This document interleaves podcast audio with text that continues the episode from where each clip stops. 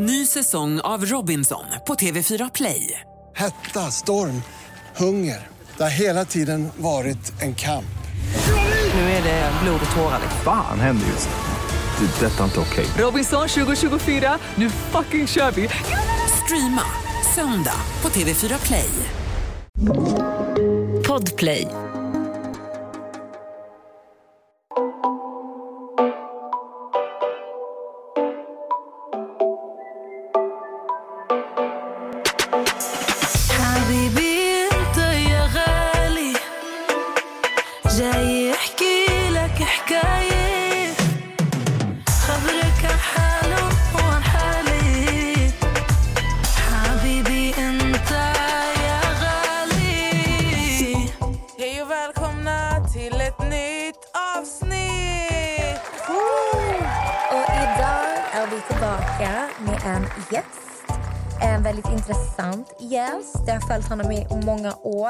Men det är första gången vi faktiskt träffas så här. Även om vi brukar prata ganska mycket på Instagram. Vi har med oss Pontus Skattberg. Pontus är politiker. Aktiv politiker. Eh, Du är opinionsbildare. Eh, Och jag, jag frågade dig, för jag frågade Pontus, jag bara, hur vill du att jag ska beskriva dig? Han bara, politiker och opinionsbildare. Jag bara, vad är opinionsbildare? Han bara, så här, någon som typ så här, skapar, Skapar åsikter. Ja, men skapar det är ju så det låter, opinions. Ja. Ehm, och du har ju liksom varit politiskt aktiv så länge jag kan minnas. Jag tror jag följt Mm. dig sedan 2017. Uh, drivit mycket frågor eh, framåt och du är väldigt, ah, du brinner verkligen för vad du gör. Mm. Väldigt saklig och eh, faktabaserad när du argumenterar, vilket uppskattas. Speciellt när man ska podda så att jag inte behöver sitta och googla allt Ja, du ja. säger. Det har jag gjort redan innan, så det, det är redan all taken care of. Jag och Pontus har ju haft mycket intressant... När Amelia sa till mig att hon ville ha med honom i podden för att hon hade pratat mycket med honom sa jag till henne jag bara, men jag vet vem han är. Men eh, han visste inte vem jag var trots att vi har diskuterat väldigt mycket för flera år sedan.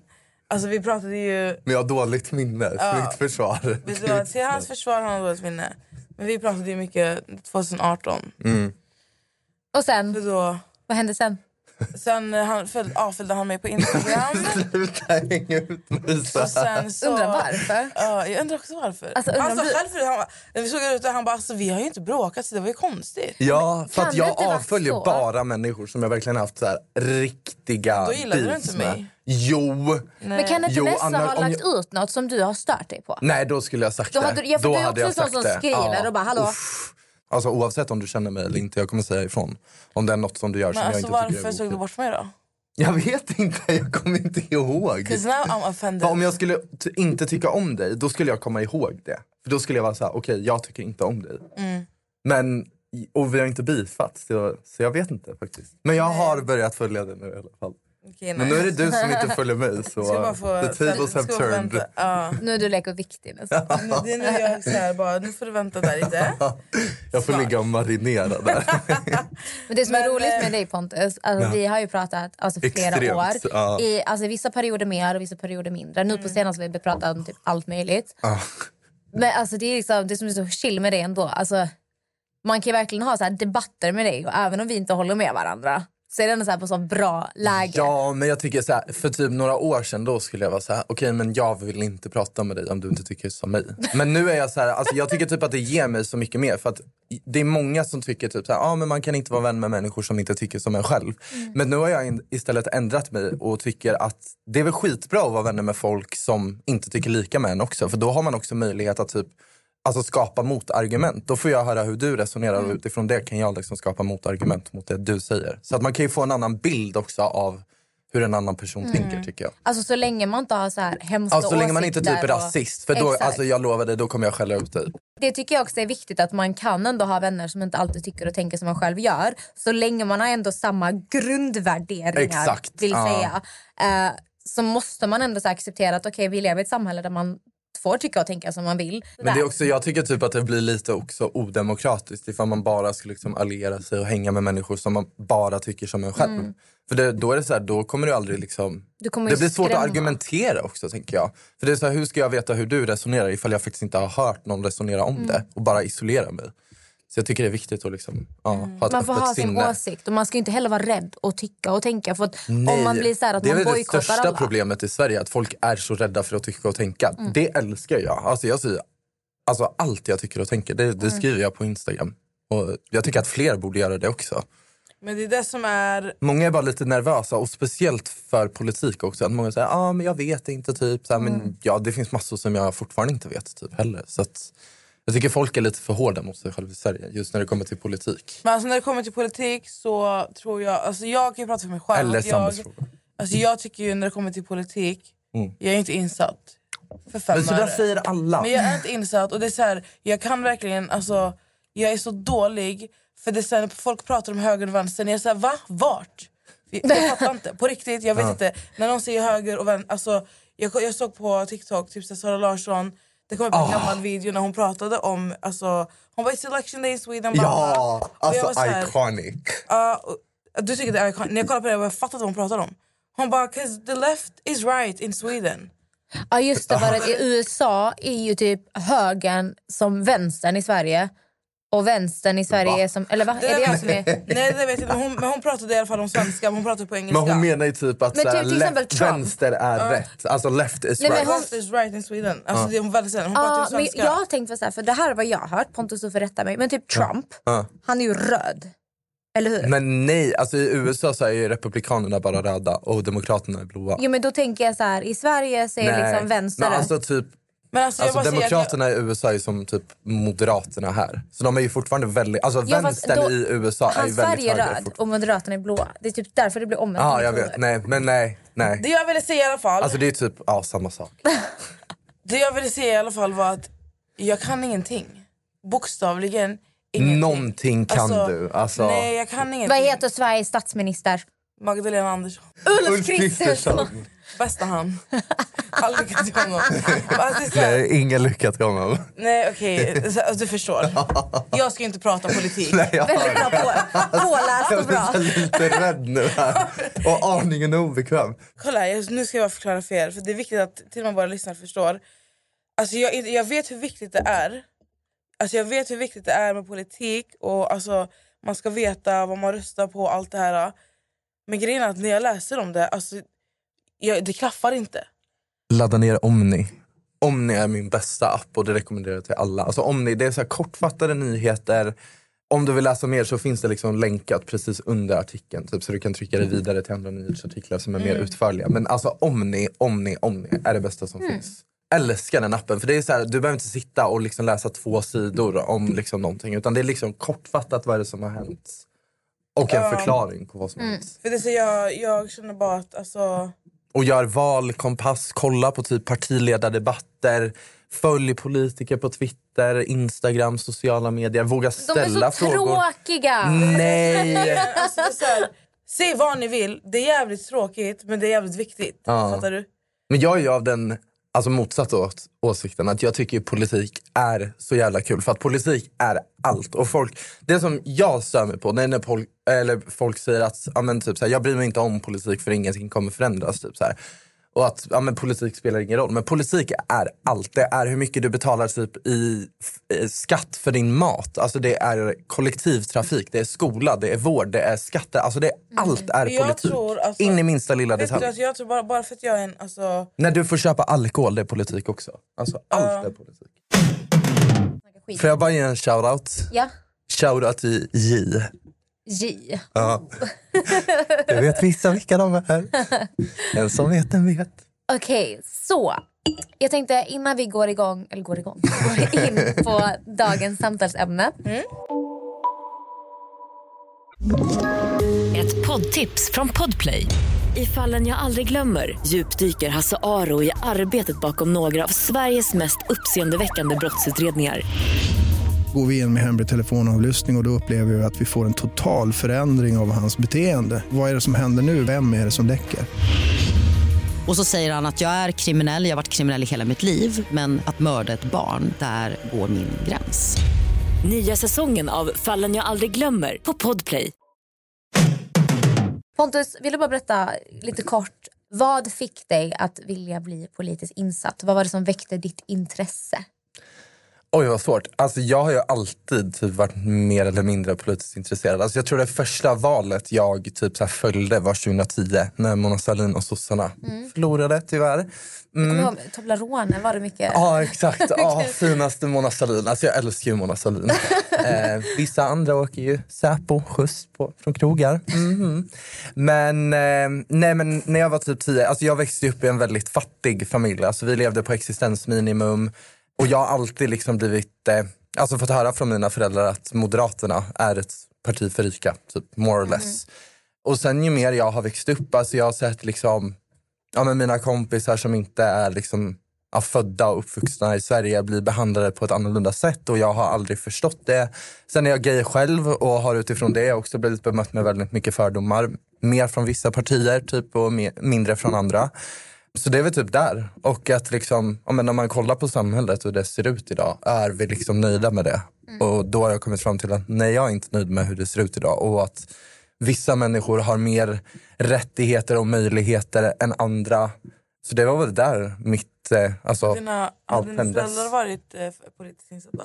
Alltså grejen är, mina föräldrar har ju aldrig varit det. Min mamma har alltid röstat på sossarna och min biologiska farsa, nu bor jag i familjehem, glömde jag säga. Men jag blev flyttad till familjehem när jag var 12. Så, prat, okay, så när du pratar om... Eh, Dina föräldrar. Ja exakt, då pra- nu pratar jag om, då, om mina biologiska föräldrar. Mina föräldrar som jag har nu, jag tror inte de vill att jag ska säga vad de röstar på. Men de röstar inte på något skit i alla fall om man säger så. Men eh, ja, nej, men och sen så blev ju min biologiska farsa då, eh, nazist. va? Mm. Så det var där då jag flyttade från min biologiska familj till först behandlingshem för att jag hade varit med om massa skit och sen därifrån till familjehem där jag bor nu. Eller har bott. minns du att du har sagt det här till mig? Eh, nej, Okej. men jag säger ja för att du inte ska må dåligt. Men jag vet att du har pratat mycket om detta Ja. på din Instagram. Men jag tycker det är viktigt också för att det är så här många, det kan jag känna också typ, att många typ familjehemsbarn är typ så rädda för att så här, om, man, om man blir placerad i familjehem så är det slutet och man kommer bli dömd för resten av sitt liv för att man har suttit i ett familjehem. Men alltså det är verkligen inte så. Och men jag tycker också det är viktigt att säga bara att man inte ska bära skulden själv. Typ, Utan Men, att det inte är ens ja. egen skuld. Men du, du, är, för du är ju inte från Stockholm från början. Nej. Nej. Men jag låter som att jag är från Stockholm. Nej, men- jag är från Jönköping. Men när kom du till Stockholm då? 2012 12 september.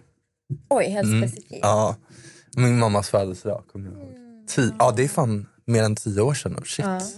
Jesus, ja, tiden går fort. Då känns det Kan som man en riktig söderkille. Ja, alltså vet du, nej, min dröm är ju att bo på Söder. Alltså jag älskar Men du har en, alltså när man tittar på det med så här riktigt söder-vibe. Ja, det tar jag som en riktig komplimang. Alltså jag älskar söderbönor alltså. Uff. Men jag tänkte så här Pontus, du är, hur gammal är du? du är född 23, 99. Gud vad ung. Ja, det är... Så ung. Snälla, jag är 27. Ja, men jag, snälla, det är ingen ålder. Nej men alltså jag, Men vad gör jag ens liksom just nej, men nu? alltså, jag i min hjärna är liksom, alltså jag är ju typ 23. Det är ju något, det är något man säger. Jag är typ mentalt är jag är 50 typ. Men alltså, man säger att det är någonting med vår generation som är så att vi kan typ inte acceptera att vi är Ja. äldre. Vi tror ju att vi är typ 20 hela, Ja. hela livet. Vilket är härligt. Det har ju sin charm. Ja. Men vi snackade ju om ah, vad ska vi prata om idag. Mm. Och jag sa ju till dig att eh, välj ett ämne Mm. som du tycker är intressant och viktigt att prata om. Mm. Eh, så dagens samtalsämne som vi kommer att diskutera är legalisering kring cannabis. Mm. En väldigt kontroversiell fråga för vissa. Ja, och jag är ju inte så här jätteinsatt. Jag har ju min åsikt av olika anledningar. Och det finns ju för att finns ju väldigt mycket att prata kring här. Så att, om jag låter dig börja Mm. med frågan här. Eh, och du sitter i en politisk debatt just nu. Mm. Och jag vet att du är ju för legaliseringen. Om du sitter nu i en politisk debatt och ska berätta varför skulle Sverige legalisera cannabis. Ja. Take it away. Nej, men först och främst så är ju en legalisering av cannabis viktigt för att bryta liksom, den här gängkriminaliteten som alltså, präglas i Sverige just nu. Ja, de hade gjort något test, jag tror det var 2019, på Stockholms avloppsvatten. Där det visade sig att stockholmarna brukar 250 kilo cannabis i månaden. Eller något Oj. sånt. Så det är väldigt, väldigt, väldigt, väldigt mycket cannabis som brukas. Och vem är det då som tjänar på att sälja cannabis när cannabis är olagligt? Jo, det är ju de gängkriminella och det är deras största intäkt. Så att, ja, ja, det står för 80 procent. 80 procent av alla deras intäkter kommer från cannabisförsäljning. Jag trodde att det var något, an- alltså jag trodde att det var något annat. Nej. Men cannabis? Ja, cannabis och typ, jag tror det är kokain, är det Ja, absolut det var det jag tänkte. toppen. Jag tänkte att Ja. kokain måste vara den största. Nej, det är cannabis. Ja. Oj! Så jag tycker det är väldigt viktigt för det är så här, vem vill vi egentligen ska... För att så här, alltså droger kommer alltid brukas. Det har alltid brukats, det kommer alltid brukas oavsett vad du har för regleringar eller för lagstiftningar. Det kommer liksom inte gå att få bort det. Eh, och för 20 år sedan sa ju vår före detta justitieminister Morgan Johansson att om 20 år, det vill säga idag, så ska Sverige vara helt narkotikafritt med den här eh, narkotikalagstiftningen vi har. Det enda vår narkotikalagstiftning har resulterat i det är att ha Europas högsta narkotikarelaterade dödlighet. Och det land som har lägst, det är Portugal. Och de har avkriminaliserat alla droger. Mm. Så du kan Va? inte bli dömd för någonting. Och det är Alltså där jag alla tycker- droger, menar allt, du allt, allt? allt. Heroin, allt. Alltså när jag var i Portugal, folk satt utanför sjukhus och liksom körde. Va? Ja. Allt. För där satsar de med typ att de tycker att det är viktigt att ja, men så här, de ska inte dömas utan de ska få hjälp med att återintegreras i samhället. Mm. Och då tycker jag att det är så här, okej men om man har suttit i fängelse, vill man då när de kommer ut så här, att de ska få en anställning och återintegreras i samhället igen? Eller inte. För om man inte får ett jobb, om man inte får den här möjligheten och hela tiden blir dö- dömd för att man har suttit i fängelse, då kommer ju Alltså det resulterar i att de här människorna bara kommer liksom fortsätta med kriminaliteten. Om de inte får ett jobb, om de inte kan få en där, alltså du vet alla de här basic grejerna. Om, om man inte kan få dem, vad ska man göra då? Mm. För att alltså försörja sin familj. Det var exakt det en tjej skrev faktiskt eh, på podden. För jag la ut en sån här frågeruta. Typ så här, hade du kunnat anställa en före detta kriminell? Varför, varför inte? Och då var det en tjej som skrev exakt det här att om, om du inte får en andra chans, om du hela tiden ska bli dömd för något du har gjort tidigare, även när du försöker bättras och göra rätt för dig, då kommer du ju till slut känna att det här är meningslöst. Ingen litar på mig, ingen tror på mig. Så vem fan bryr sig? Då kan jag lika bra vara kriminell. Eller då kan jag bruka mina droger eller jag kan göra vad fan jag vill. För in, ingen ger mig en andra chans ändå. Och det är det som händer. Om en människa aldrig får en andra chans, om vi inte öppnar möjligheterna. Alltså, det, där jag kan bli lite så här, men hur resonerar människor kring den här frågan? Tänker folk så här? För jag, som sagt, jag kan förstå att du har ett företag och du kanske inte vill anställa en som har suttit inne i liksom fem år. Att det blir Nej, men om man har suttit, jag, jag kan ha förståelse om man har suttit för liksom mord eller sexualbrott. Alltså jag kan verkligen ha förståelse för det. brott. Men jag har pratat med min, med min, ja, min styvfarsa nu, eller min familjehemsfarsa. Och han jobbar eh, som ekonomichef på ett jättestort företag. Och då har jag pratat väldigt mycket om honom, med honom. Typ så här, ja, men anställer ni kriminella eller hur går det till? Och, liksom vad, och då skiljer det sig väldigt mycket beroende på vilket brott det är man faktiskt har begått. Jag menar inte att alla kriminella är liksom Guds bästa barn. Men jag menar att om man har suttit liksom, ja, men, i ett års fängelse för jag vet inte, men något så lättare grej som man liksom, ja, men, kan tycka. Alltså inte tycka är okej men som är fine. Liksom. Mm. Där du inte har typ skadat en annan Exakt, människa. ja exakt. Ja precis. Eller typ någon an, någons egendom typ. Då tycker jag det är så här, hur ska den här människan då komma in i samhället igen ifall den inte får en andra chans och hela tiden blir bedömd?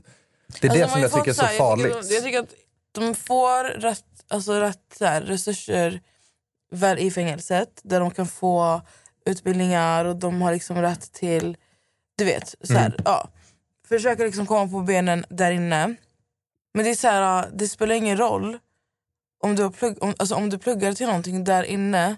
För när du kommer ut så vet du ju du kommer ändå inte få ett jobb. Exakt. Förstår du? Och det är den här mentaliteten de går runt med. Alltså hur många människor vet man inte, så här, har man inte hört, alltså som man vet så här.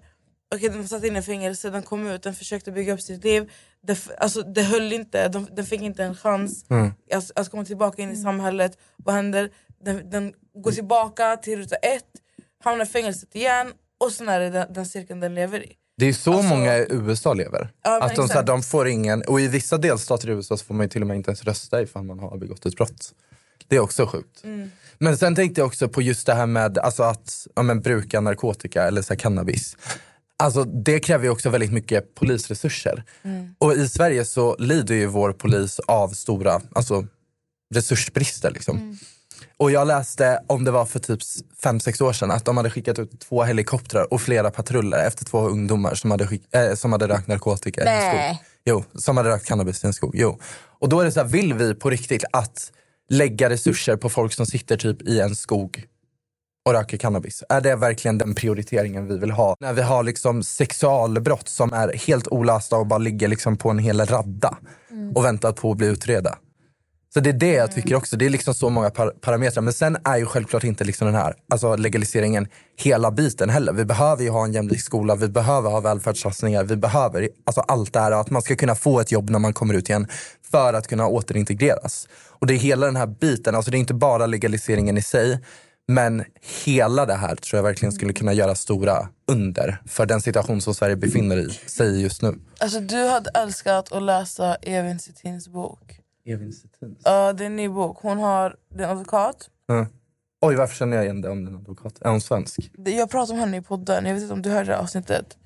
Det här med om kriminella... För, kriminella- Ja, men då hörde jag nog hört det. Det är ju hon, eh, hon, eh, hon först så jobbade hon med, alltså som advokat och där hon var målsägande, alltså där hon var, heter det målsägande? Mm. Hon var advokat för målsägande. Exakt. Och det, alltså det har varit alltså, allt från gängledare till gängmedlemmar till du vet, allt. Och sen så fick hon besöka alltså, lite olika fängelsen. Möta vissa av de här människorna Mm. som sitter. Och hon gjorde en bok Mm. av det. För att hon är också väldigt politiskt insatt. Eh, mitt ibland oss. Mitt ibland alltså. Ja, den har jag nog hört om någonstans. Hon är också väldigt Mm. politiskt insatt. Mm. Och boken handlar om alltså, hur, hur, det kan, hur det kan se ut inifrån. Och så att hon, hon ger verkligen en inblick av att så här, um, det, det är så lätt att döma när man bara läser på så här, Aftonbladet. Exakt. Så är det så lätt att vara så här, "Ah, men fa- alltså, var- varför ska jag bry mig? Mm. Det här, är, det här är varken min bror eller min familj. Varför ska jag bry mig om, om han Det är lätt att döma när Alltså, du inte har någon i din närhet Exakt. som har varit i den här Exakt. situationen. Det är lätt att sitta där och Ja. haft en trygg uppväxt och gått bra i skolan och ha ett bra jobb och sitta och peka finger på alla andra. Det är Exakt, jättelätt ja. att göra det. Men det, det är det hon, så här, hon framhäver jättemycket och det är så tydligt i boken för det är, det, alltså, det är ju riktiga historier. Alltså, nu näm, nu nämns ingen vid namn men det är ju riktiga historier hon liksom skriver om och det är det som är så fascinerande är alltså många av de här grabbarna som, som är liksom inne i det här de, ser, alltså, de är så här, när de är fråga, alltså, hon, det är så sjuka frågor, så här, motfrågor de har ställt henne när hon har pratat med dem. Det, det man blir så här, alltså, och hon bara, det enda jag tänker på är hur, hur ska jag hjälpa de här? Mm. Det här är ju bara människor som har liksom föräldrar, som har en mamma. Men man tänker ju inte så. Nej. Det är lätt att de... Alltså, jag tycker bara att man blir dömd för snabbt här. Ja. Alltså, Ja, det, och även typ, så sen tänker jag också så här, själva syftet med att sitta i fängelse det är väl för att avtjäna sitt straff. Så varför ska man då när man kommer ut fortsatt bli straffad när man har suttit av sitt straff? Det är väl literally det som är anledningen med att sitta i fängelse, att sitta av. Ett poddtips från Podplay. I fallen jag aldrig glömmer djupdyker Hasse Aro i arbetet bakom några av Sveriges mest uppseendeväckande brottsutredningar. Går vi in med hemlig telefonavlyssning och, och då upplever vi att vi får en total förändring av hans beteende. Vad är det som händer nu? Vem är det som läcker?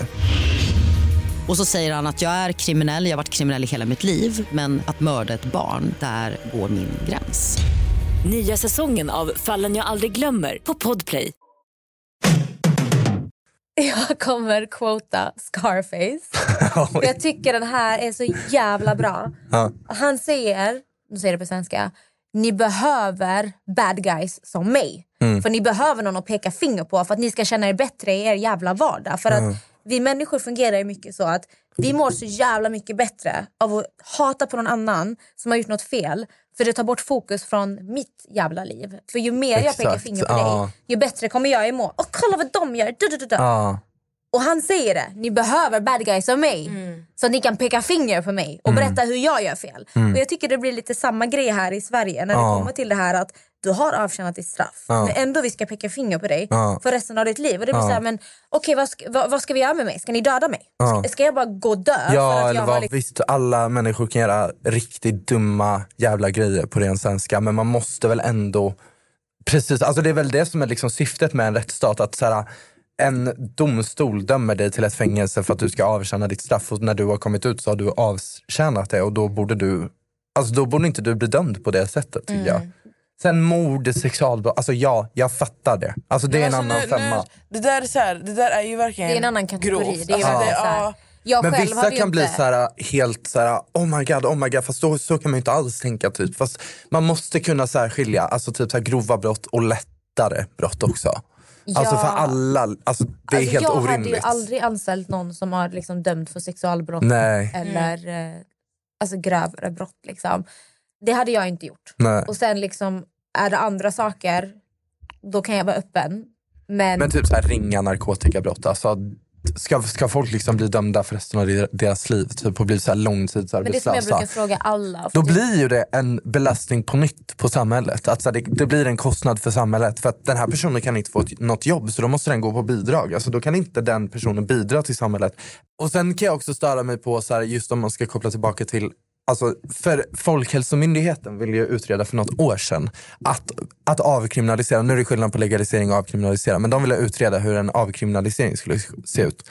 Och då sa ju Lena Hallengren, vår socialminister at the time, nej till det. Och det kan jag lite faktiskt störa mig på, att just politikers syn på narkotika blir så styrande. För att så här, ena sekunden så sitter Folkhälsomyndigheten och styr upp Sveriges riktlinjer för hur, hur vi ska hantera corona. Och sen i nästa sekund när man vill alltså, utreda någonting som de personligen är emot. Då, nej men då kan vi inte lita på deras liksom, kompetens och deras forskning och allt vad de kan. Liksom. Och det är det jag tycker blir så fel, att det blir ens egna åsikter som blir så styrande istället för att faktiskt se. Det är så många länder som har avkriminaliserat. om man kollar på, ah, vad säger man, inte gängkriminalitet, alltså brottsstatistiken Mm. eller hur det ser ut i de här länderna kontra Sverige.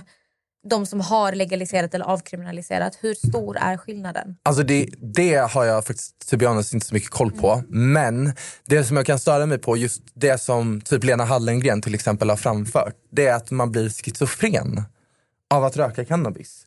Och om, om det skulle vara så att det är så många som blir schizofrena, borde inte vi ha en överrepresentation av schizofrena i Sverige då? Alltså det är det, det är det som jag stör mig så mycket på. För att det är bara ens enskilda åsikter och det, det är liksom inte faktabaserat Jag har överhuvudtaget. aldrig kunnat förstå riktigt varför alkohol är så... Exakt. Alltså i Sverige också, alltså vi dricker jättemycket i Sverige. Och det är liksom så här midsommar och jul och nyår. Alkohol har ju blivit som en slags, vi dricker snaps, det är nästan som en tradition och det är glögg och det och det är så att Vi jag dricker går, hela tiden. Ja, jag kan gå in. Visst, vi har liksom Systembolaget.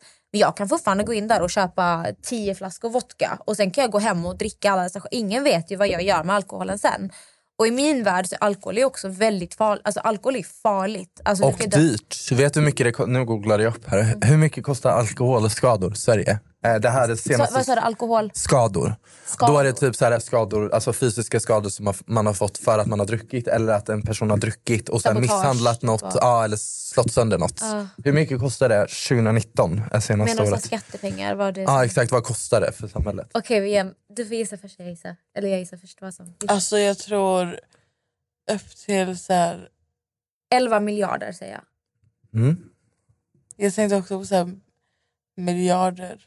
Fast det kanske är lite för mycket. Jag gissar. Okej men eh, hon sa miljarder, jag säger typ 500 miljoner. I den senaste skattningen för Sveriges uppgick kostnaden till 101 miljarder kronor 2019. 101 miljarder! Varje år. Oj! Och då har vi ändå en reglerad alltså, alkoholförsäljning. ja. Och det är det jag vill säga också, alltså, med en legalisering så skulle det innebära att alltså, cannabis förs- alltså, säljs på samma sätt som alkohol säljs idag i Sverige. Monopol. Typ. Att vi har ja. typ, inte Att det ska vara Systembolaget men skött, något annat. alltså det ska vara bra skött och det ska liksom vara 20-årsgräns. Alltså det ska vara alla de här kriterierna och det ska vara noggrant. Man kan inte gå in i en kiosk liksom. Exakt. Alltså grejen är så här, så här är det. Jag tror verkligen att det är så här, vill Sverige ha ett bättre Sverige för alla och det är inte bara för så här, ah, de kriminella ska inte vara kriminella, jag vet inte vad. Det är också för att de här människorna som är så dömande också ska, alltså, alltså så att alla bara ska komma ut sina bubblor tycker jag. Mm. Eller så tror jag. De kommer behöva legalisera, avkriminalisera. Det Men det är jag det. tänker, Alltså, det- alltså det jag tänker när du säger så här. Om vi kollar på hur, ah, och hur man köper till exempel cannabis i Sverige. Alltså de kriminella har ju monopol på den marknaden. Exakt, ja. Så att vill jag ha det, för det är så här, vi kan aldrig Men stoppa människor från att bruka Men kolla det. också på hur många som blir ihjälskjutna för att de säljer typ i alltså inom citattecken, i fel område som Ja. inte är deras. Då blir folk ihjälskjutna också och det är det ett samhälle vi vill ha. Det är det jag ställer mig väldigt frågande till och det vill jag också koppla tillbaka till. För att nu har ju till och med Sara Skyttedal, Sara Skyttedal är en Europaparlamentariker för Kristdemokraterna. Och i förra veckan gick ju hon ut i en debattartikel i DN och sa att hon, hon ställer sig för en legalisering. Och om en kristdemokrat har gjort det och gått emot hela partiledningen, då har den diskussionen gått väldigt långt. Mm. För att högern generellt är ju väldigt mycket mer emot det Ja. än vad liksom vänstern, Vänstern. är. Ja. Det är också en väldigt mycket vänster och högerfråga där. Klassiska frågor. Ja exakt. Ja. Men Liberalerna och Centerpartiet, framförallt deras ungdomsförbund, de är också för en legalisering. Och inte- sossarna och Vänsterpartiets ungdomsförbund också tror jag. Jag har läst, är det Danmark som har... I Danmark har ju till och med, de hade ju val här för ett tag sedan och där var ju till och med alltså, frågan om de ska av, eller legalisera eh, vad heter det, kokain. Oj! Ja, det är flera partier i danska folketinget som har ställt sig för det. Alternativet, eh, enhetslistan bland annat. Alltså jag, jag är ju för det. Just inte för att jag själv brukar eller på något sätt. Jag är ju för det på grund Eller? av jag tänker, men jag tänker så här, stoppa gängkriminaliteten. Ja. För att jag tänker så här, man kan inte vara så jävla old school när det kommer liksom, vi sitter i en situation som är fruktansvärt ohållbar. Alltså det är verkligen så här, folk dör, alltså barn dör. Det här är, vi kan inte hålla på och bara, nej men jag, hårdare straff. Ja. Jag tror inte på hårdare straff. Nej. Det är som, vi hade ju Carro här. Ja. Carro, ehm, Ah, Carolina ah, Sinisalo. Gud, alltså jag grät i det där avsnittet. Herregud. Det var Jag så ser- berörande verkligen. hon, hennes Om du familj. hör det här, I love you alltså. Ja. 25. Men hon sa ju det här att om hårdare straff är rätt svar, då borde ju USA Exakt. vara hur lugn, det borde vara guld och gröna skogar. Men Ja. så är det absolut inte i Mm. USA. Utan jag tror att politikerna måste ju vara lite smartare Mm. än de kriminella och Mm. tänka att okej om ni bedriver en hel verksamhet på att sälja narkotika, om ni bedriver en hel verksamhet på att ha monopol på marknaden, folk köper ju uppenbarligen, det är inte brist på Nej kunder. exakt, nej. Hur, Utspår- hur sätter utbud, vi ett motstånd mot er? Hur sätter vi press på er? Hur stryper vi Mm. er, era Er gäng? finansiering. Er, exakt. exakt. Ett poddtips från Podplay. I fallen jag aldrig glömmer djupdyker Hasse Aro i arbetet bakom några av Sveriges mest uppseendeväckande brottsutredningar. Går vi in med hemlig telefonavlyssning och, och då upplever vi att vi får en total förändring av hans beteende. Vad är det som händer nu? Vem är det som läcker? Och så säger han att jag är kriminell, jag har varit kriminell i hela mitt liv men att mörda ett barn, där går min gräns. Nya säsongen av Fallen jag aldrig glömmer på Podplay. En sak jag kommer att tänka på nu, eh, för jag förstår ju så här, skillnaden på att avkriminalisera, så att vi reder ut det här för alla som lyssnar. Skillnaden på att avkriminalisera och legalisera det är väl att avkriminalisera, då är det lagligt att sälja det också eller? Avkriminalisering innebär att ta bort kriminaliseringen av eget bruk och legalisering innebär att tillåta innehav och försäljning av narkotika. Antingen fritt i Ah. kontrollerad form eller motsvarande det system vi har för alkohol idag. Alltså jag tror att det är ett bra första steg att avkriminalisera det för jag tror inte Sverige skulle klara av att liksom på en gång legalis- Det jag legalisera tänker med det då Pontus, det är så här, precis som Systembolaget. Det finns ju fortfarande folk som langar alkohol. Exakt. För att Systembolaget de stänger klockan tre på lördag. Och det, Mm. Så att, vad händer om jag klockan tio på kvällen bara men jag vill köpa det här? Då kan inte jag åka till en butik utan då kommer jag ju ringa någon Mm, langare i så fall. Absolut, jag. men fortfarande, alltså, om man tänker på att gängkriminella får 80%, alltså 80% av deras intäkter består av cannabisförsäljning. Den alltså, kommer ju sänkas. Exakt, och jag tror också att mång, mycket mindre folk, alltså om, om du kan gå till ett systembolag, varför ska du då gå och leta upp någon på gatan? Det är mycket tryggare att gå Ja. till en butik. Och då handla. vet du också att du faktiskt Ja. får någonting som inte skadar dig. För att det är det också som är risken Mm. med att gå och köpa. För du vet inte vad folk lägger i det här. Det kan vara alltså, allt möjligt. Fentanyl har jag Exakt, hört. Det är ju, ja. Du dör ju på extremt Ex- ja. lite. Och det är, I USA har det varit flera sådana. Ja, det är ju en fentanyl och det är väl något som där. kommer också. Alltså, jag har hört Det har börjat komma hit också. Ja. Kan inte du bara förklara kort vad är fentanyl? Och vad, ja, du vill googla. Jag ja, ja, tror det jag att hörde det är någonting man injicerar va? Nej, det Nej, kan man kan kan röka. röka det också. För att jag hörde ett jättehemskt fall i USA var detta. Där hennes vän då, Just det. han var typ 17 eller 18. Han rökte cannabis som han då hade köpt. Någon har lagt fentanyl, han dog. Alltså det krävs så lite fentanyl som jag förstår alltså det. det behövs ju pytte, pytte, Ja. pytte, pytte lite. Och det, det är ju verkligen så, du, vet, du har ingen aning om vad folk... Alltså, det är precis som att en främling köper en drink till mig på krogen. Jag tar aldrig emot det för jag vet inte vad du har lagt i min dricka. Jag har ju sett, det är massa UF-företag nu som säljer såna här...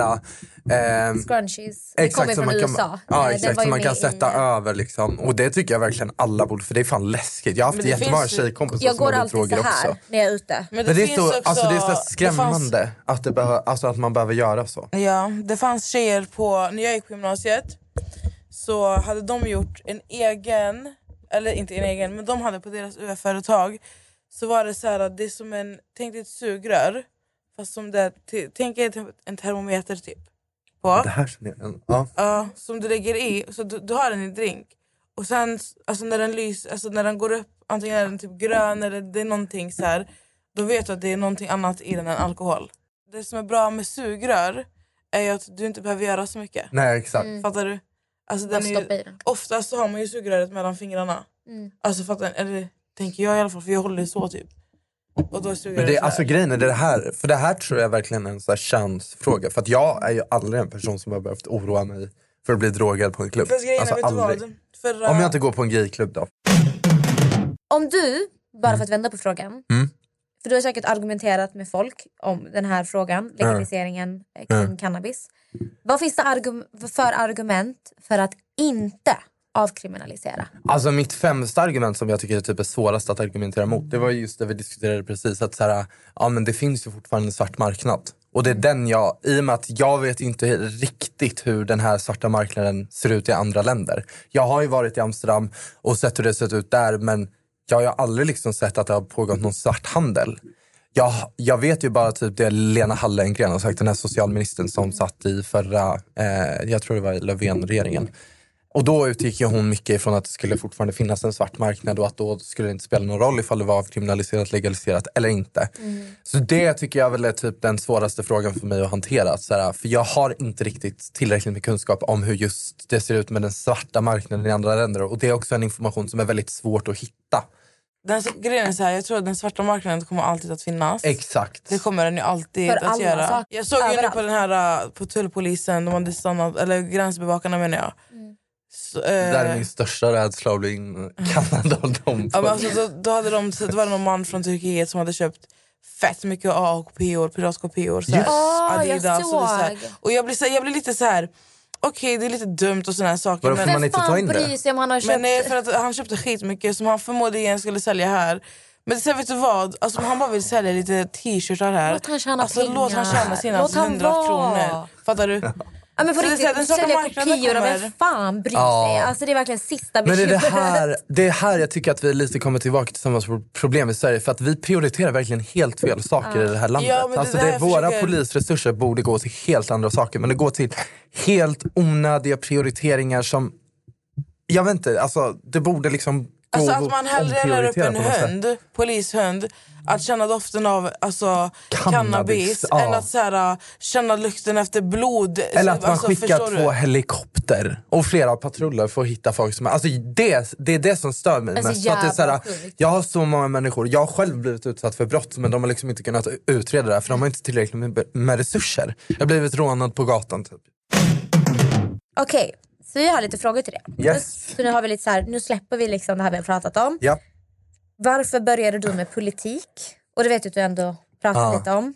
Men kort för att politik är allt och jag vill förbättra alltså, livssituationen för människor i Sverige och speciellt folk som generellt inte har en röst i politiken. Typ hbtq-personer, nu är inte jag rasifierad själv men jag vill ju ändå liksom driva en politik som är för personer som rasifieras i Sverige. Och kvinnor självklart och hbtq-personer. Mm. Vilken politiker hade vunnit eh, Paradise Hotel? Ja, Jakob, han var inte, alltså det är inte min smak men han ser absolut bra ut. Vilken politiker hade vunnit Paradise Hotel? Oj! Vem hade spelat falskast och fulast? Och vem hade vunnit? Oh my god vad svårt! Vänta. Oj, en falsk politiker. Ja det finns ju många sådana men eh, Verkligen lurig. Vem hade klarat spelet? Jag vill typ säga Nyamko Sabuni. Det är Liberalernas förra partiledare. Hon avgick ja, i år. Men hon har ju liksom både alltså, varit för liksom, att samarbeta i jan- januariavtalet med de rödgröna men sen gick hon över till eh, alltså, ja, det blåa blocket som de sitter med nu. Då. Så jag tror att det är hon. Hon är bra på att ljuga. Okej. Vilken politisk fråga ligger dig närmast hjärtat? Och den har du Oj, pratat om. Men om alltså det skulle nog inte vara den. Alltså jag tycker väl... eh, Oj, oj, oj vad svår fråga. Men det måste ju ändå typ vara vården på något sätt. Typ. Alltså, Mm. det är en väldigt, alltså, vården är något som alla behöver och det är någonting som är extremt eftersatt och som har blivit underfinansierat i så många år. Så att vården någonstans ändå. Mm. Och att alla människor oavsett vart de bor i Sverige, oavsett om man bor i Tensta eller om man bor i Jokkmokk eller om man bor i Malmö. Alltså alla ska ha rätt till samma jämlik vård. Beroende, alltså du ska, det ska inte spela någon roll vem du är eller vart du bor. Alla ska ha samma rätt. Vilka influencers tycker du gör ett bra jobb? Typ Tone Sekelius tycker jag är grym. Tone Sekelius är eh, partiledare. Partiledare. Nej, eh, vad heter det? Programledare för eh, Paradise. Paradise, tack. Och Hon har varit med i Mello, hon ska vara med i Mello igen nästa år. Sen tycker jag att Vanity Vane, alltså en dragqueen, jättekänd, typ Stockholms kändaste dragqueen. Men sen tycker jag ju Danny, Danny Lam. Han som driver eh, Tänkvärt. ah. Ja, det är liksom min topp. Mm. Alltså jag har träffat honom en gång i Gamla stan. Alltså Dan, Danny, om du hör det här, jag älskar dig så mycket. Han är så gullig. Super. Fuck, marry, kill. Jimmy Åkesson. Fuck, eh, kill. Du har inte hört alla? Nej, men kill. Han vet, han vet redan. Han bara kill. Vi har Jimmy Åkesson. Ebba Busch. Oh. Och... Gud, nu tappade jag hans namn. Ulf Kristersson. Ja. Mm. Alltså det är, Kill är ju väldigt, väldigt obvious. Åkesson, han har vi för mycket av i det här landet. Så att Kill Åkesson... Alltså fuck Kristersson. Och eh, ja, Bush får jag gifta mig med. Ja. Och henne behöver jag inte liksom, göra något mer med. Det Det, kan ju bara nej. mingla typ. Du kan mingla och äta Ja. falukorv. Ja, typ. Ja, exakt. Falukorvstjejen. Alltså Pontus, det har varit skitkul att få ha dig här. Jag kan inte fatta att du är här. Alltså att vi äntligen Nej, ses. inte jag heller. Efter all these years. Fem år. Det är ju fan sjukt dock, alltså helt ärligt. Alltså jag trodde vi kom på varför han tog bort mig förresten men vi tar inte det här. Nej. Det är inget vi ska prata Det om i ska Det är podden. nog bäst för podden. alla. Men ehm, ja, jag känner mig lite attackerad, ska jag tyga. Jag älskar dig, det vet du. Jag älskar dig också. Ja, Det vet du.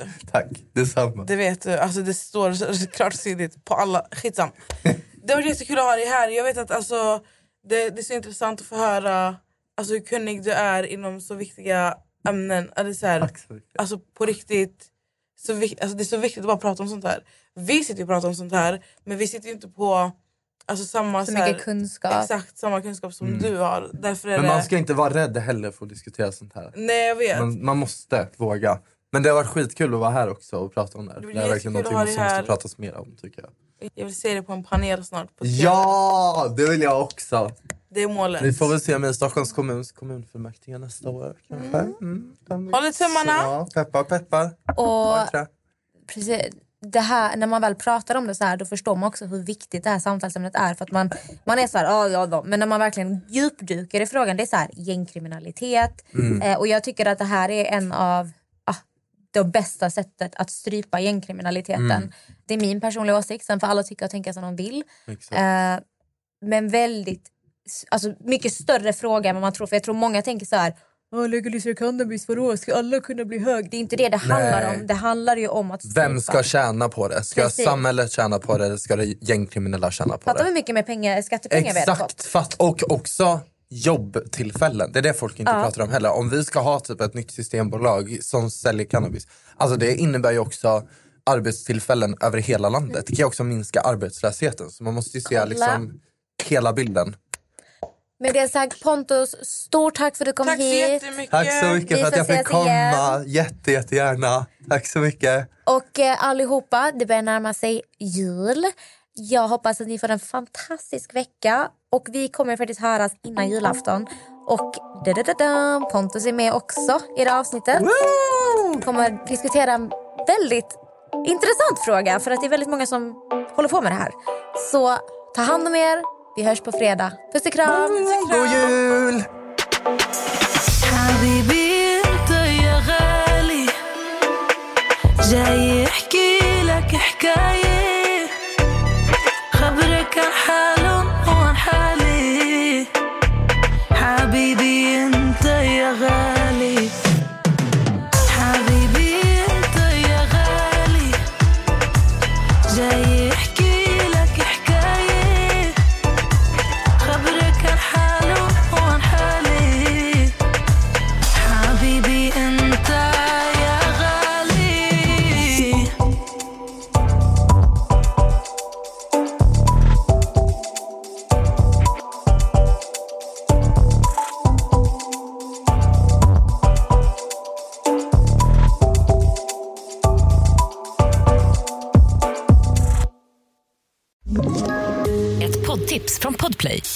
Podden Något Kaiko garanterar östgötarna Brutti och jag, Davva, dig en stor dos skratt. Där följer jag pladask för köttätandet igen. Man är lite som en jävla vampyr. Man har fått lite blodsmak och då måste man ha mer. Udda spaningar, fängslande anekdoter och en och annan arg rant. Jag måste ha mitt kaffe på morgonen för annars är jag ingen trevlig människa. Då är du ingen trevlig människa, punkt. Något Kaiko, hör du på Podplay. Därför är gardinerna.